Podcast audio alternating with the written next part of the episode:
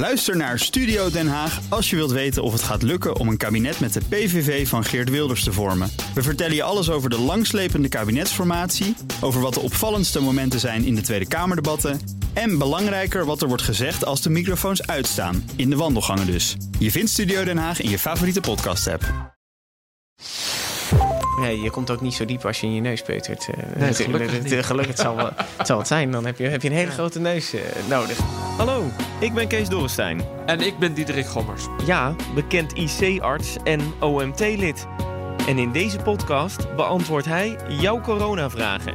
Stuur je vragen naar me op via WhatsApp 06 8370 9229, via de mail gommers.bnr.nl of via Instagram BNR Nieuwsradio. Dan leg ik ze aan hem voor. Vraag het. Gommers. Goed dat je er weer bij bent en dat je misschien een vraag hebt gestuurd. Eh, We krijgen tussen de 100 en 200 vragen per week binnen, dus daar zijn we hartstikke blij mee. En in deze aflevering, hoe werkt het AstraZeneca-vaccin nou precies? Iedereen had het vorige keren over Pfizer en Moderna, maar hoe werkt die van AstraZeneca? En het zou iets met chimpansees van doen hebben, dus daar willen we meer over weten. En moeten we niet meer wat in gaan zetten op luchtvochtigheid? En hoe zit dat? Eh, Nou, we krijgen het weer druk, eh Diederik. Nou, hartstikke goed. Nou, u krijgt het eigenlijk vooral druk. Ik hoef ze alleen maar te stellen. Daar kom ik er wel weer goed vanaf natuurlijk.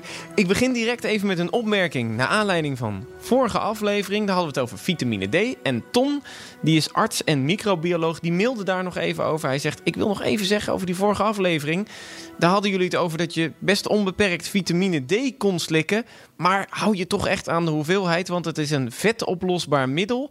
En als je echt te veel slikt, te lang, dan kan dat ophopingen veroorzaken. Dus dat wilde hij graag nog even Nou, maar daar heeft hij natuurlijk helemaal gelijk in. Je moet nooit te veel nemen, natuurlijk. Nee, gewoon toch even kijken wat staat er nou op dat, eh, dat tubetje. Of uh, dat is geen tube, het is een, eh, een potje. En Ja. daar staat dan altijd op zoveel pillen moet je dan nemen. Dus, nou, Ton, bij deze staat genoteerd. Dankjewel voor de input. Ehm, en de volgende vraag is van Pieter Snel, Rens, Jan en Hetty. Daar zitten een paar grootouders tussen eh, deze namen. Eh, want zij zeggen, wat weten we nu over de besmettelijkheid onder kinderen? Want wij passen vaak op. En is dat nogal verstandig? Ja, eh, hele goede vraag. Ehm, en, en die discussie is een beetje nu opgeleid met die Britse variant. Want die, ehm, die komt dan meer bij kinderen voor, maar dat is het eigenlijk niet. Kinderen krijgen meer klachten, dus meer verkoudheidsklachten. En als ze dus meer hoesten, ehm, dan kunnen ze makkelijker het virus verspreiden. En dat is nu eigenlijk een beetje het idee. Dus dat met de, nou ja, kinderen kunnen altijd virus oplopen. Ehm, maar betekent niet altijd of ze neusverkouden zijn dat ze het COVID hebben. Want dat hebben ze nogal makkelijk, neusverkouden. Dus het is wel moeilijk te zeggen, hebben ze nou COVID of niet? Maar wat we nu gezien hebben bij die eh, Britse variant... is dat ze gezien hebben dat de kinderen iets meer klachten krijgen. Dus ze zoals- krijgen nog evenveel gemiddeld gezien, maar ze krijgen meer klachten. ja, iets meer neusverkouden en dergelijke. En als dat dan gebeurt, dan moet je wel zorgen dat je iets beter afstand neemt. Dus eh, dat betekent als ze naar school gaan en ze zijn tussen de 4 en de 12, dan moet je ze thuis houden. Ehm, en als je er dus als ouderen op past en ze hebben die klachten, ja, dan zou ik wel oppassen. Dan moet je wel maatregelen treffen, want dan zijn ze meer besmettelijk. Dus dan kunnen ze het virus overdragen als ze het virus bij Ja, zich maar hebben. dat kan dus ook dat is heel moeilijk te zien. Ja, En het wordt makkelijker als ze koorts krijgen, want dan moet je zeker niet als ouderen in de buurt komen. Ehm, maar is het alleen bij verkoudheidsklachten, ja, dan zou ik toch ehm, voorzichtig zijn als ik nog niet gevaccineerd zou zijn als ouderen. hoe, hoe zit het dan wat betreft het testen van die kinderen? Als ze die klachten krijgen, dan naar de GGD voor een test? Of? Ja, ja. En dat is natuurlijk best raar, eh, want kinderen testen is, nou ja, dat Ja, voelt niet zo goed. Dus ja, sommige ouders zeggen zo, van, ja. dat doe ik niet. Mhm. Maar dat wordt nu wel een beetje het beleid voor als de scholen eh, komende week open gaan. Dat als eh, kinderen tussen de 4 en de 12 klachten krijgen en eh, naar school zouden willen, dat je ze thuis houdt en laat testen. Ja, en ik zag ook op de site van het RIVM dan weer staan. Oh, wordt even gebeld. Oh jee. Ik heb ook gewoon dienst, dus ik neem hem even aan. Ja, dat is goed hoor. Diederik. Diederik eh, heeft natuurlijk ook gewoon zaaldienst, dus je moet even de telefoon opnemen. Maar dan moet je even Niels opsporen. Dat is die eh, lange jongen uit Leiden. Met zijn grijze, beetje grijzig haar. Ja, hij kan het heel goed verwoorden. Ja. Is goed, dank je. Hoi, hoi. Nou, gelukkig, Niels kan het oplossen. Ja, dat is, dat, dat is dan weer fijn. Oké, nou, we gaan gewoon weer verder. Ik zag ook op de RIVM-site staan dat, ehm, dat er nog steeds een, een kleine kans is dat kinderen hem krijgen. Dus de, de, de kans is dus niet hoger geworden door dat Britse virus? Ehm, nee, ze, ze, kijk, kinderen die het COVID krijgen, worden er eigenlijk niet zwaar ziek van. Hè? Want je ziet niet dat kinderziekenhuizen vol liggen met COVID. Dus kinderen kunnen wel het virus krijgen. Ehm, en bij de oude variant hadden we niet het idee dat ze het veel aan het overdragen waren.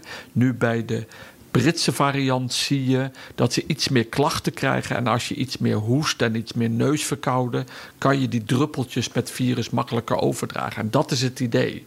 Dus leraren, dan wel ouders, dan wel grootouders, kunnen COVID krijgen uh, van kinderen die meer neusverkouden zijn dan wel hoesten. Dus goed letten op de klachten dan? Ja, eigenlijk wel. En dan moet het een beetje anders zijn. Want kinderen krijgen nogal makkelijk klachten, dus het hoeft niet altijd COVID te zijn. Uh, maar ik zou wel zeggen, als je dat denkt, laat ze laagdrempelig testen.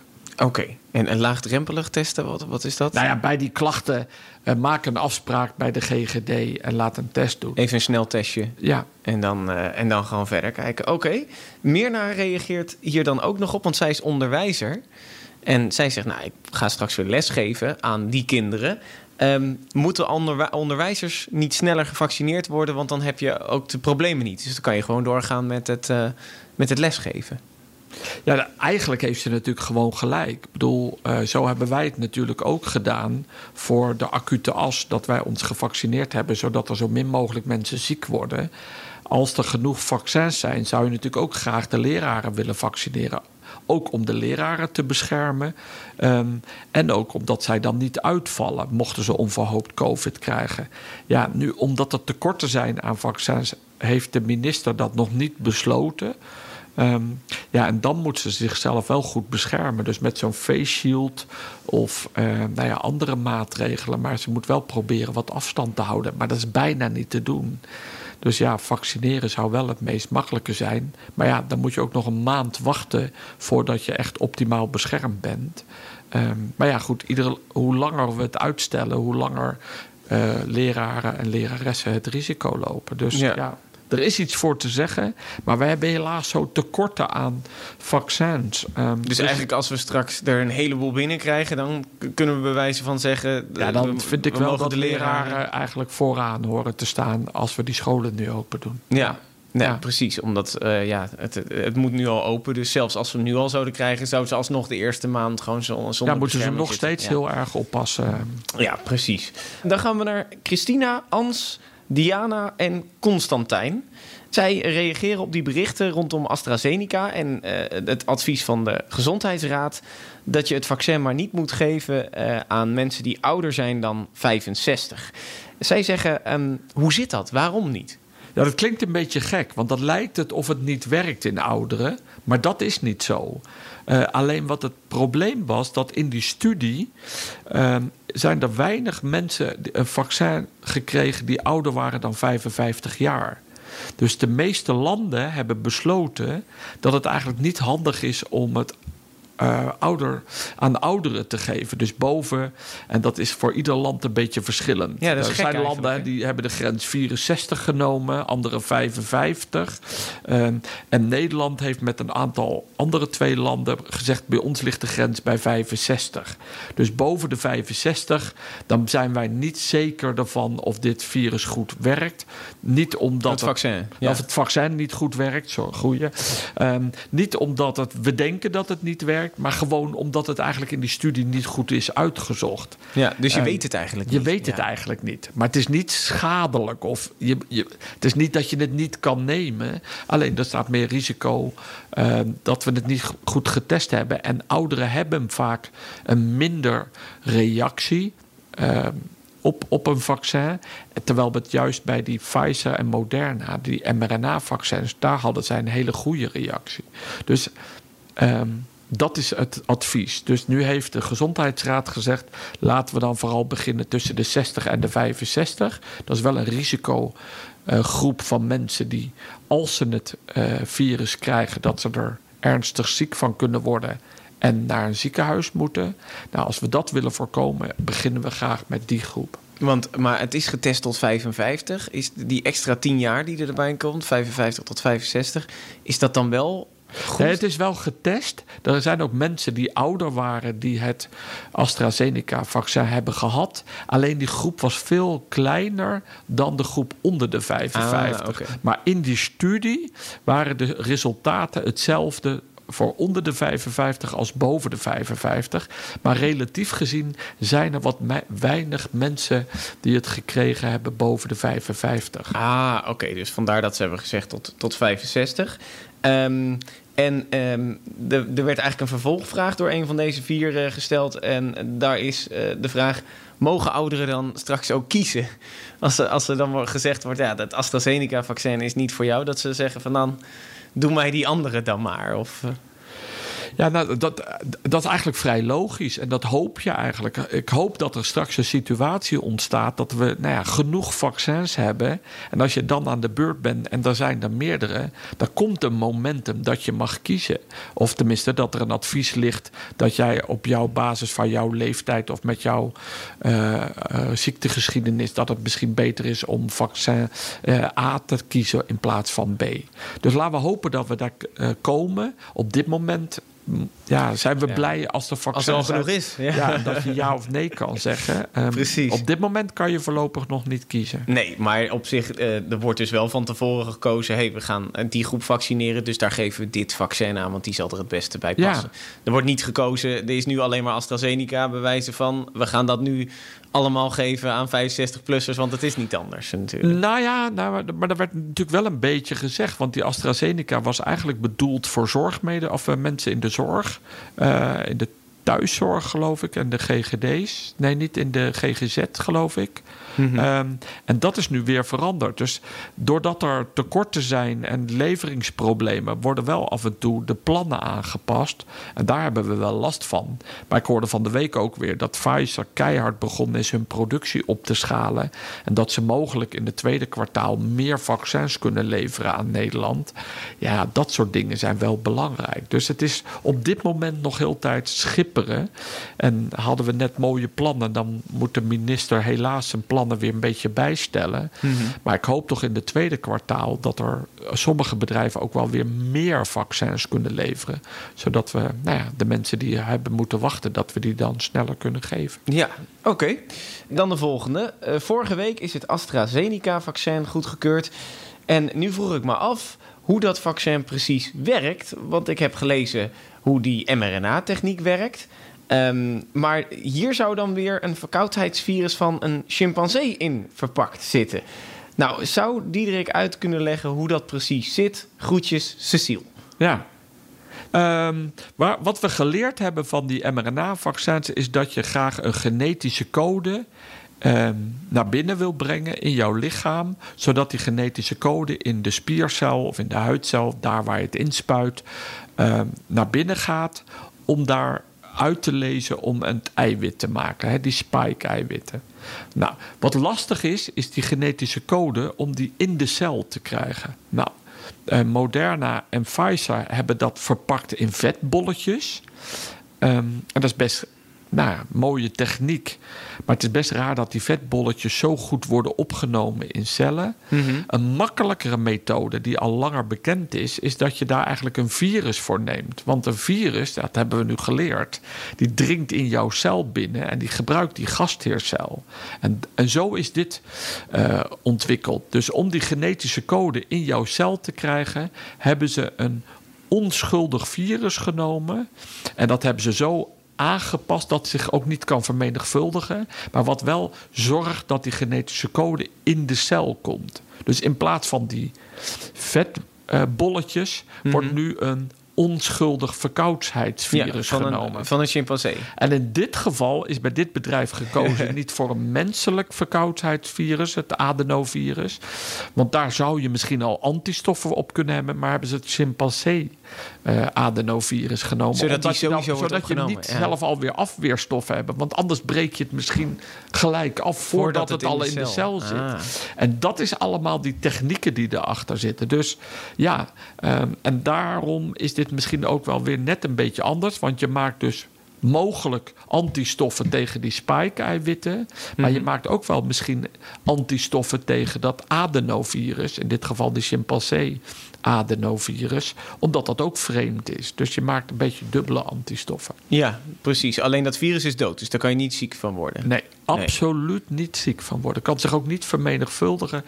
Echt een techniek die al vaker gebruikt wordt. Ook bij, het- bij het griepvaccin dan? Of, eh, Ja, ik weet niet precies of het voor griep is, maar is, voor vaccins wordt deze techniek vaker gebruikt. Oké, en ehm, dit is dus geen mRNA-techniek, begrijp ik, van AstraZeneca. Nee, de mRNA is de boodschapper. En in dit geval dacht ik dat de, de boodschapper is niet RNA, RNA, maar DNA, maar verpakt in dat adenovirus. En dan is het DNA alleen van dat, eh, van dat spike-eiwit. Ja. Dus niet dat je in één keer gekke DNA tussen je DNA krijgt. Want Nee. ik weet dat dan gaan we daar weer vragen over krijgen natuurlijk. Nee, dat gebeurt niet. Hè? Want het, het, het komt in je cel aan de buitenkant van de kern, hè, die kluis, en daar kan het echt niet in. Nee, dus het is eigenlijk eh, relatief vergelijkbaar. Het is alle twee een aparte techniek om dus dat spike-eiwitje, alleen dat gedeelte, eh, op een cel te krijgen, waardoor je antistoffen gaat maken. Maar dat is dus dood. Dus het is niet zo dat je ook een virus eh in krijgt, zodat je daar weer besmettelijk van bent. Dat, dat is niet het geval. Nee. Nee, dat vind ik altijd wel goed om mee Lastig allemaal Ja, het is allemaal hartstikke lastig, joh. Potverdikkie, we zouden er een podcast over moeten maken... dat mensen vragen dat je dat, kunnen Dat stellen. je gewoon dat rustig uitlegt allemaal. Ja, precies. Ehm, dan Robert, Ruud en Erik. Die hebben de vraag gestuurd... is het Russische vaccin Sputnik ook een optie voor Nederland? En hoe weten we dat dat eh, veilig is? Hoe staat het daarmee? Ja, dat is ook het, eigenlijk hetzelfde wat we net beschreven. Ook een, ehm, een virus wat gebruikt weer om een genetische code. En die gebruikt ook het adenovirus om dat weer in die cel te brengen. Dus dat noem je vectorvaccins met een mooi woord. Dus eigenlijk hetzelfde als het AstraZeneca. Alleen hebben zij weer net een ander adenovirus gemaakt, hè, de recombinant. Ehm, en de resultaten zijn nu gepubliceerd in een, in een hoog wetenschappelijk Ja, in de tijdschrift. Lancet is de dat? Lancet. Ja. Eh, en wat ze, wat ze daar hebben laten zien, is dat er ruim 16.500 mensen hebben het vaccin gekregen. Eh, en de controlegroep was. Eh, hadden ze een, een kleinere groep voorgenomen, 5.500. Maar in de controlegroep zagen ze dat de mensen meer COVID kregen dan in de vaccingroep. En, dat, en die studie is gedaan in Moskou. Ehm, nou, en daar hebben ze dan die effectiviteit uitgerekend. En die blijkt dan eh, bijna 92% te zijn. Dus het is een, volgens het tijdschrift en de publicatie een goed werkend vaccin. Wat eigenlijk dezelfde techniek gebruikt als het AstraZeneca. En kunnen we het dan binnenkort gebruiken? Of hoe gaat dat proces dan nu verder? Nou ja, nu is het heel belangrijk dat die EMA dan gaat kijken, als ze het aanvraag doen voor de Europese markt, dan moeten zij helemaal de, ehm, de, de, de documenten aanleveren waar precies beschreven staat hoe ze het gedaan hebben, of die proeven, eh, dierexperimentenproeven goed zijn, hè, dat, dat er geen bijwerkingen zijn. Dus alle, zoals alle bedrijven die een vaccin doen, moeten zij die totale documentatie inleveren bij de EMA. Die gaat dat dan heel nauwkeurig bekijken. En als het dan goed is, dan kan de EMA een goedkeuring geven voor de Europese markt. En dan kunnen wij ook het Maar dan zouden de Russen eigenlijk, of dat bedrijf dat erachter zit, die zou die aanvraag moeten indienen. Ja. Het gaat niet, wij zouden niet kunnen vragen van, hey, eh, dien die aanvraag eens in. Dan kunnen Nou ja, we, we kunnen het vragen, maar, maar het moet wel heel netjes eh, behandeld worden door de EMA. Die heeft wel even de tijd nodig om te kijken of zij al die stappen die, die wij van, eh, van een bedrijf verwachten, hè, van een farmaceutisch bedrijf, dat ze dat netjes hebben gedaan en dat die onderbouwing met die documenten klopt en dat wij het dan goed, dat de EMA het dan goed vindt. We- Weet u wel of er iets is ingediend of dat er al zoiets loopt? Nee, niet mij, mij niet bekend. Maar dat wil niet zeggen dat het niet gebeurd is of dat die gesprekken lopen. Dat weet ik niet. Nee, nee, precies. Nou, je, je hebt in ieder geval niks eh, eh, gehoord eh, daarover. Het is dus ook eventjes afwachten, Robert, Ruud en Erik. Eh, wordt het aangevraagd vanuit Europa? Eh, dienen de Russen het in? En dan moet het nog gecontroleerd worden. Dus dat, daar gaat wel eventjes overheen. Dat is vaak een paar maanden eh, wat betreft dat eenmaal onderzoek. Ehm, Matthias en Rogier... eh, die hebben een vraag over luchtvochtigheid. En eh, zij zijn eigenlijk niet de enige. Ik zie in meerdere vormen zie ik vragen daarover binnenkomen. Ehm, zij zeggen, er wordt gezegd dat als de lucht droog is, virussen zich makkelijker via de lucht kunnen verspreiden. Waarom wordt het niet verplicht dat de luchtvochtigheid op bepaalde niveaus wordt gehouden? Ehm, eh, zeker bij inpandige plekken, dus waar mensen samen zijn, thuis, kantoor, dat soort zaken. Ja, zoals als zij het zo uitleggen, ja, zijn alle kleine beetjes helpen. En zou je dat kunnen doen? Ehm, de vraag, ja, eigenlijk gewoon een goede suggestie, moet ik gewoon heel eerlijk dus zijn. het klopt hè? wat ze zeggen. Ja, nee, maar het komt omdat als je een droge lucht hebt en het, en het virus zit in kleine. ehm, eh, hoe heet het? Van die bolletjes of ja, eh, water, druppels of zo. waterdruppels. Hè, je hoest, dan kan je je voorstellen als het hard regent, dan neemt de regen die waterdruppels naar beneden en dan vallen ze eerder op de grond. Dus in een vochtige omgeving eh, gaan, ze graag, gaan kleine druppeltjes die jij hoest, die gaan samen eh, vo- vormen. En dan worden ze groter en zwaarder en dan vallen ze eerder op de grond. Dus, en daarom heb je in een droge lucht meer verspreiding. Ehm, en zij hebben dan wel gelijk dat ja, als je dat wil beïnvloeden, kan je de vochtigheidsgraad in een ruimte beïnvloeden met apparatuur. Ja, zouden we dat niet moeten doen? Ja, ik zou zeggen, werk het uit met een technische universiteit in Eindhoven of in Delft. Ehm, en misschien is er al literatuur eh, van, maar ik ken die niet, ik ben maar een dokter. Ehm, maar ja, als, als zij dat kunnen onderbouwen, laat ze ons vooral laten weten, want dat zou kunnen helpen. Dus dat als zij eh, daadwerkelijk echt een soort van wetenschappelijk onderzoek hebben, dan zou er gezegd kunnen worden: oké, dan moeten we nu eh, de luchtvochtigheid altijd rondom. Nou ja, eh, dat- je kan je voorstellen, op het moment houden. dat je de luchtvochtigheid naar een hoger percentage doet, heb je dan misschien de mogelijkheid dat als je hoest, ehm, dat je dan die druppeltjes eerder naar de grond vallen en dus niet de andere persoon kunnen eh, bereiken. Dat is het idee daarachter. Maar ik weet niet of dat wetenschappelijk klopt. Nou ja, goed, moeten ze uitzoeken en moeten we kijken of de Technische Universiteit dat kan onderbouwen en of we dat in een richtlijn kunnen stoppen. We zitten nu in een winterperiode. Ehm, is het dan ook vaker droger binnen? Ja, kijk, als het kouder is en het sneeuw en het vriest, dan heb je meestal een drogere lucht. Nou, we hebben de afgelopen weken wel heel veel regen gehad. Dus het, het wisselt nogal. Maar ja, we krijgen nu nou ja, sneeuw, dat is ook nat. Maar als het vrieskou is, wordt het meestal wel een drogere lucht. Ja. Maar, en dat is verkoudheidsvirussen houden wel van kou. En dus blijkbaar misschien ook van droogte. En daarom zeggen we ook, wordt er ook in de modellering rekening gehouden als we straks richting de lente en de zomer gaan. Dat je dan ziet dat het virus minder. ehm, actief wordt om mensen te Omdat besmetten. Dus je ziet dan ja. gewoon de curves gaan dalen als je die weereffecten meeneemt. En dat doen ze ook bij de RIVM door de modelleurs. En ehm, is het dan ook zo dat je binnen dan maar even een, een bekertje water, heb ik altijd geleerd, even op bij de verwarming zetten? Dat verdampt dan en dan wordt het de, de, de luchtvochtigheid gaat dan Nou ja, zo beïnvloed je hem. Maar, je, bedoel, maar dit moeten ze natuurlijk wel onderbouwen welk percentage. Hè. Je hebt eh, meters en je kunt zien hoe hoog is je vocht, eh, luchtvochtigheid in jouw kamer of in de ruimte waar je zit. hè. Ja, dus dat... Het ehm, zal wel een bepaalde minimumwaarde moeten hebben. En misschien is die ook te hoog dat het weer ongezond wordt. Hè. Kan ook zijn dat je misschien wel, nou ja, weet ik, 90 plus eh, procent moet hebben. Ehm, en dat het dan weer niet gezond is. Omdat je dan weer te vochtige omgeving met allerlei schimmelvorming krijgt op je muren. Dus we moeten eigenlijk gewoon goed opletten eh, op, die, op die onderzoeken. Van hoeveel onderzoeken zijn er? Is er al een wetenschappelijke onderbouwing? Hoeveel percentage die luchtvochtigheid dan eh, moet hebben? Eh, hoe luchtvochtig de lucht moet zijn? Ehm, ik heb het wel eens makkelijker omschreven. Eh, en dan kunnen we pas echt Ja. daar maatregelen op nemen. Zou en, dan en betekent ook, en dan zou je daarmee kunnen zeggen, als dat zo is, dat je dan misschien in plaats van anderhalve meter een meter van elkaar af mag zeggen. Maar het is nu anderhalve meter. Dat houden we nu vast. Tenzij er dadelijk bewijs komt dat dat eventueel te beïnvloeden is door luchtvochtigheid. Maar ik, heb het, ik ben daar geen deskundige in. Nee, oké. Eh, zoek het uit. Ik bedoel, eh, pak het aan, eh, zou ik zeggen. Um, Sjoerd dan.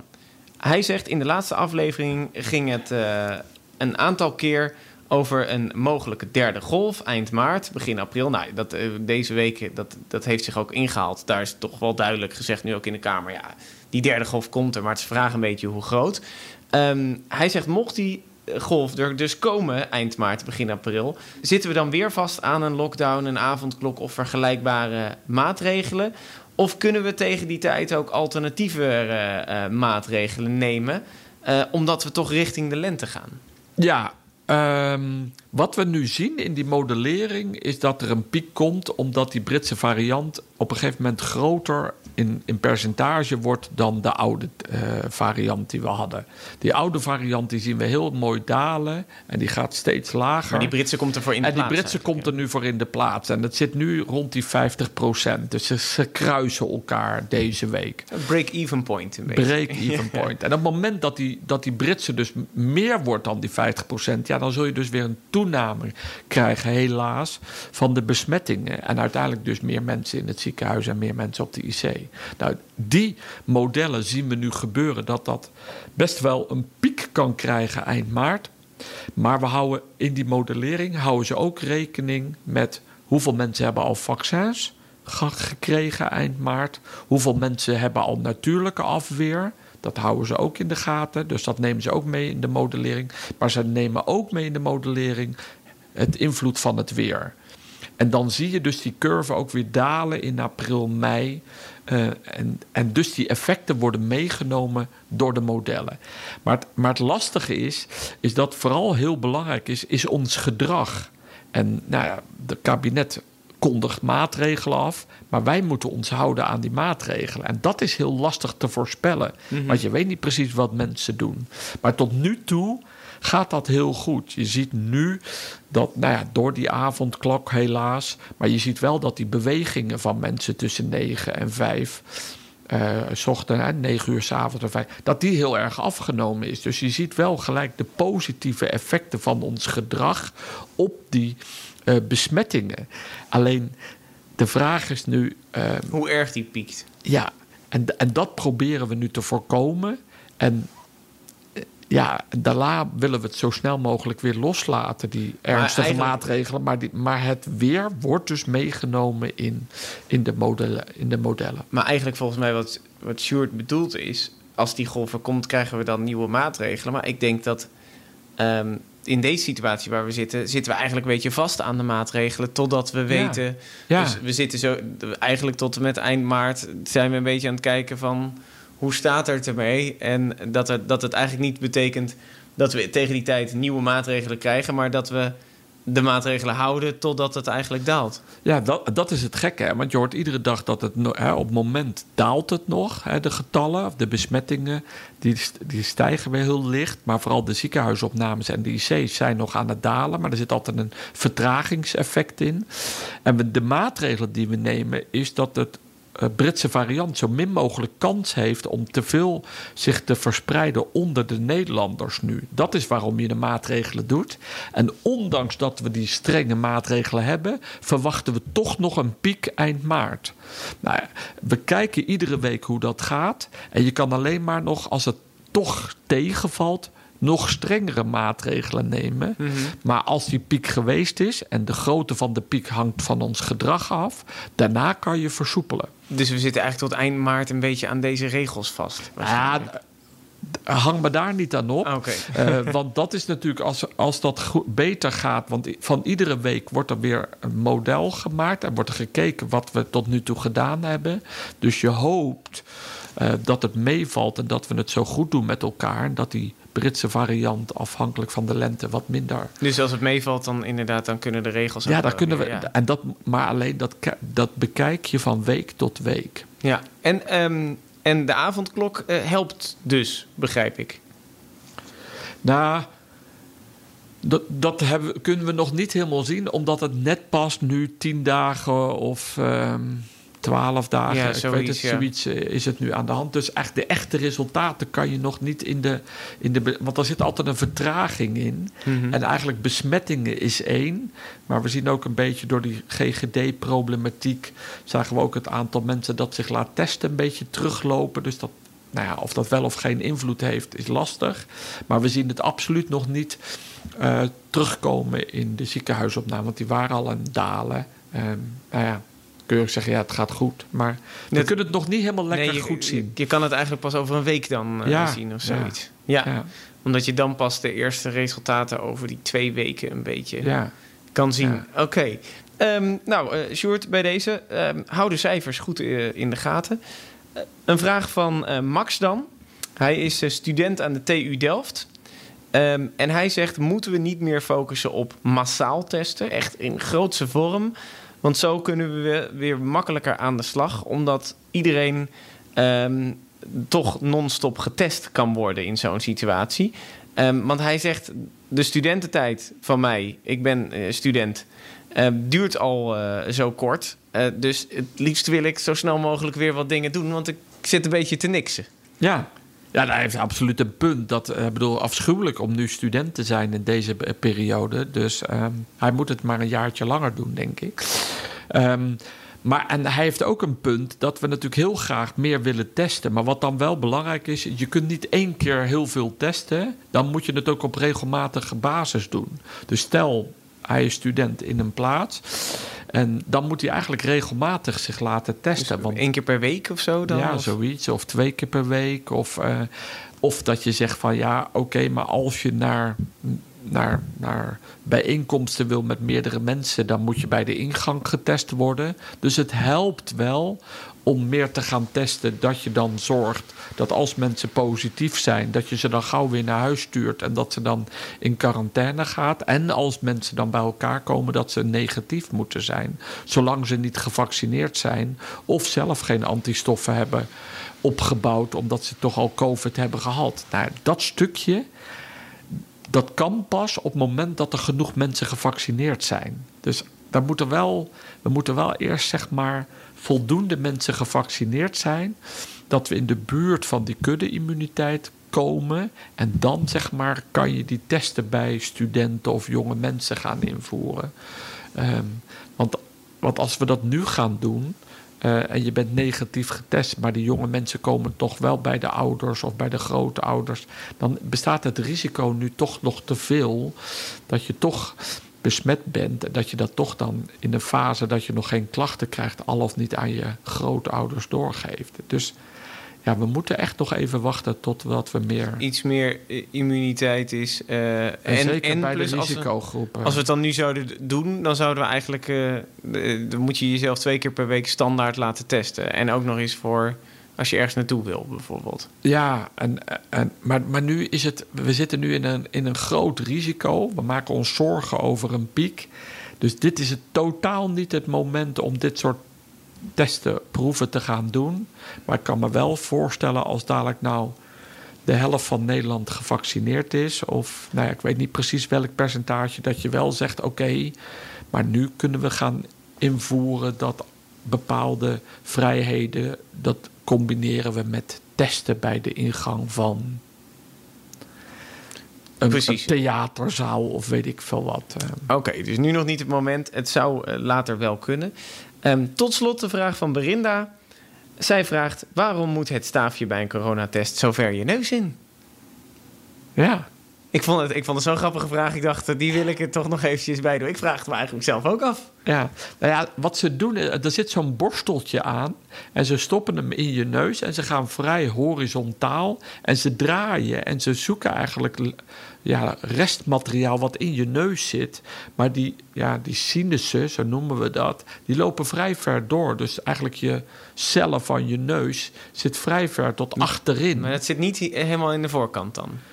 Nee, daar zit ook, maar je wil ook materiaal zo ver mogelijk ook achterin halen. En dat is daarom draaien ze er zo ook aan. En dat is wel een rot gevoel.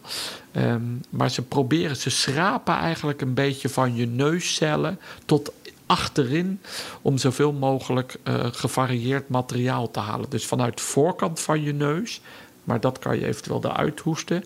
Maar aan de achterkant, daar wil je ook materiaal. Want daar kunnen dan eventueel geïnfecteerde cellen zitten met virus op de oppervlak. Oh, maar, maar eh, op het moment dat die, die... Maar die, dan denk ik altijd, die cellen kunnen toch ook aan de voorkant zitten? Wa- Waarom moet je dan helemaal achterin? Zijn dat dan andere cellen? Of? Nee, maar, dat, maar, maar, maar dat, je het, dat je zo goed mogelijke sample neemt. Want stel je voor dat je het alleen maar aan de voorkant zou doen. Maar doordat je je neus snuit of iets dergelijks, zitten daar. Nou ja, is al het vocht weg en de virussen weg. Terwijl aan de achterkant doe je dat minder. Dus vandaar dat je ze borstelen. En dan nemen ze dus en de voorkant van je cel, cellen mee. En cellen Oh, gewoon de ah, ook aan de achterkant. Ze pakken je hele neus. Ze Ah, hebben dus een zo goed mogelijk. zit of zo. Ja, zo goed mogelijk sample nemen ze eigenlijk. Ah, vandaar. Nou, dat is het. Ja, Je neus is gewoon diep en daarom moet hij er diep in. Dat Ja. is, dat is, eh, nou, dat is toch, eh, toch wel grappig. En dan horizontaal, joh. Dat, Ja. is, dat vind ik dan toch allemaal... Ik wist niet dat dat horizontaal ging. Maar ja, je komt ook niet zo diep als je in je neus peutert. eh. Nee, gelukkig niet. Gelukkig zal, het zal het zijn. Dan heb je, heb je een hele Ja. grote neus eh, nodig. Nou, eh, bij deze. Je neus is horizontaal en de stok die moet er helemaal in. Sorry, Berinda. Het moet eventjes. Dat bij deze. Heb je zelf een vraag? App die naar mij 0683709229 of mail die gommers.bnr.nl. Komt die op de lijst, kan ik hem dus weer in een volgende aflevering eh, voorleggen. Eh, en dan ben je misschien ook een van de 200 vragen die binnenkomen. Ehm, trust me, we hebben hele grote lijsten. We letten er goed op. Kan eventjes duren bij deze. Tot volgende week, Diederik. Tot volgende week.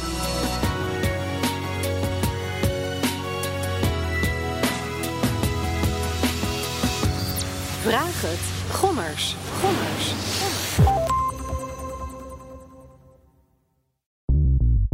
Bij BNR ben je altijd als eerste op de hoogte van het laatste nieuws. Luister dagelijks live via internet. Bas van Werven. En heel langzaam komt de zon op rond dit tijdstip. Je krijgt inzicht in de dag die komt op BNR, het Binnenhof in Nederland en de rest van de wereld. De Ochtendspits. Voor de beste start van je werkdag. Blijf scherp en mis niets.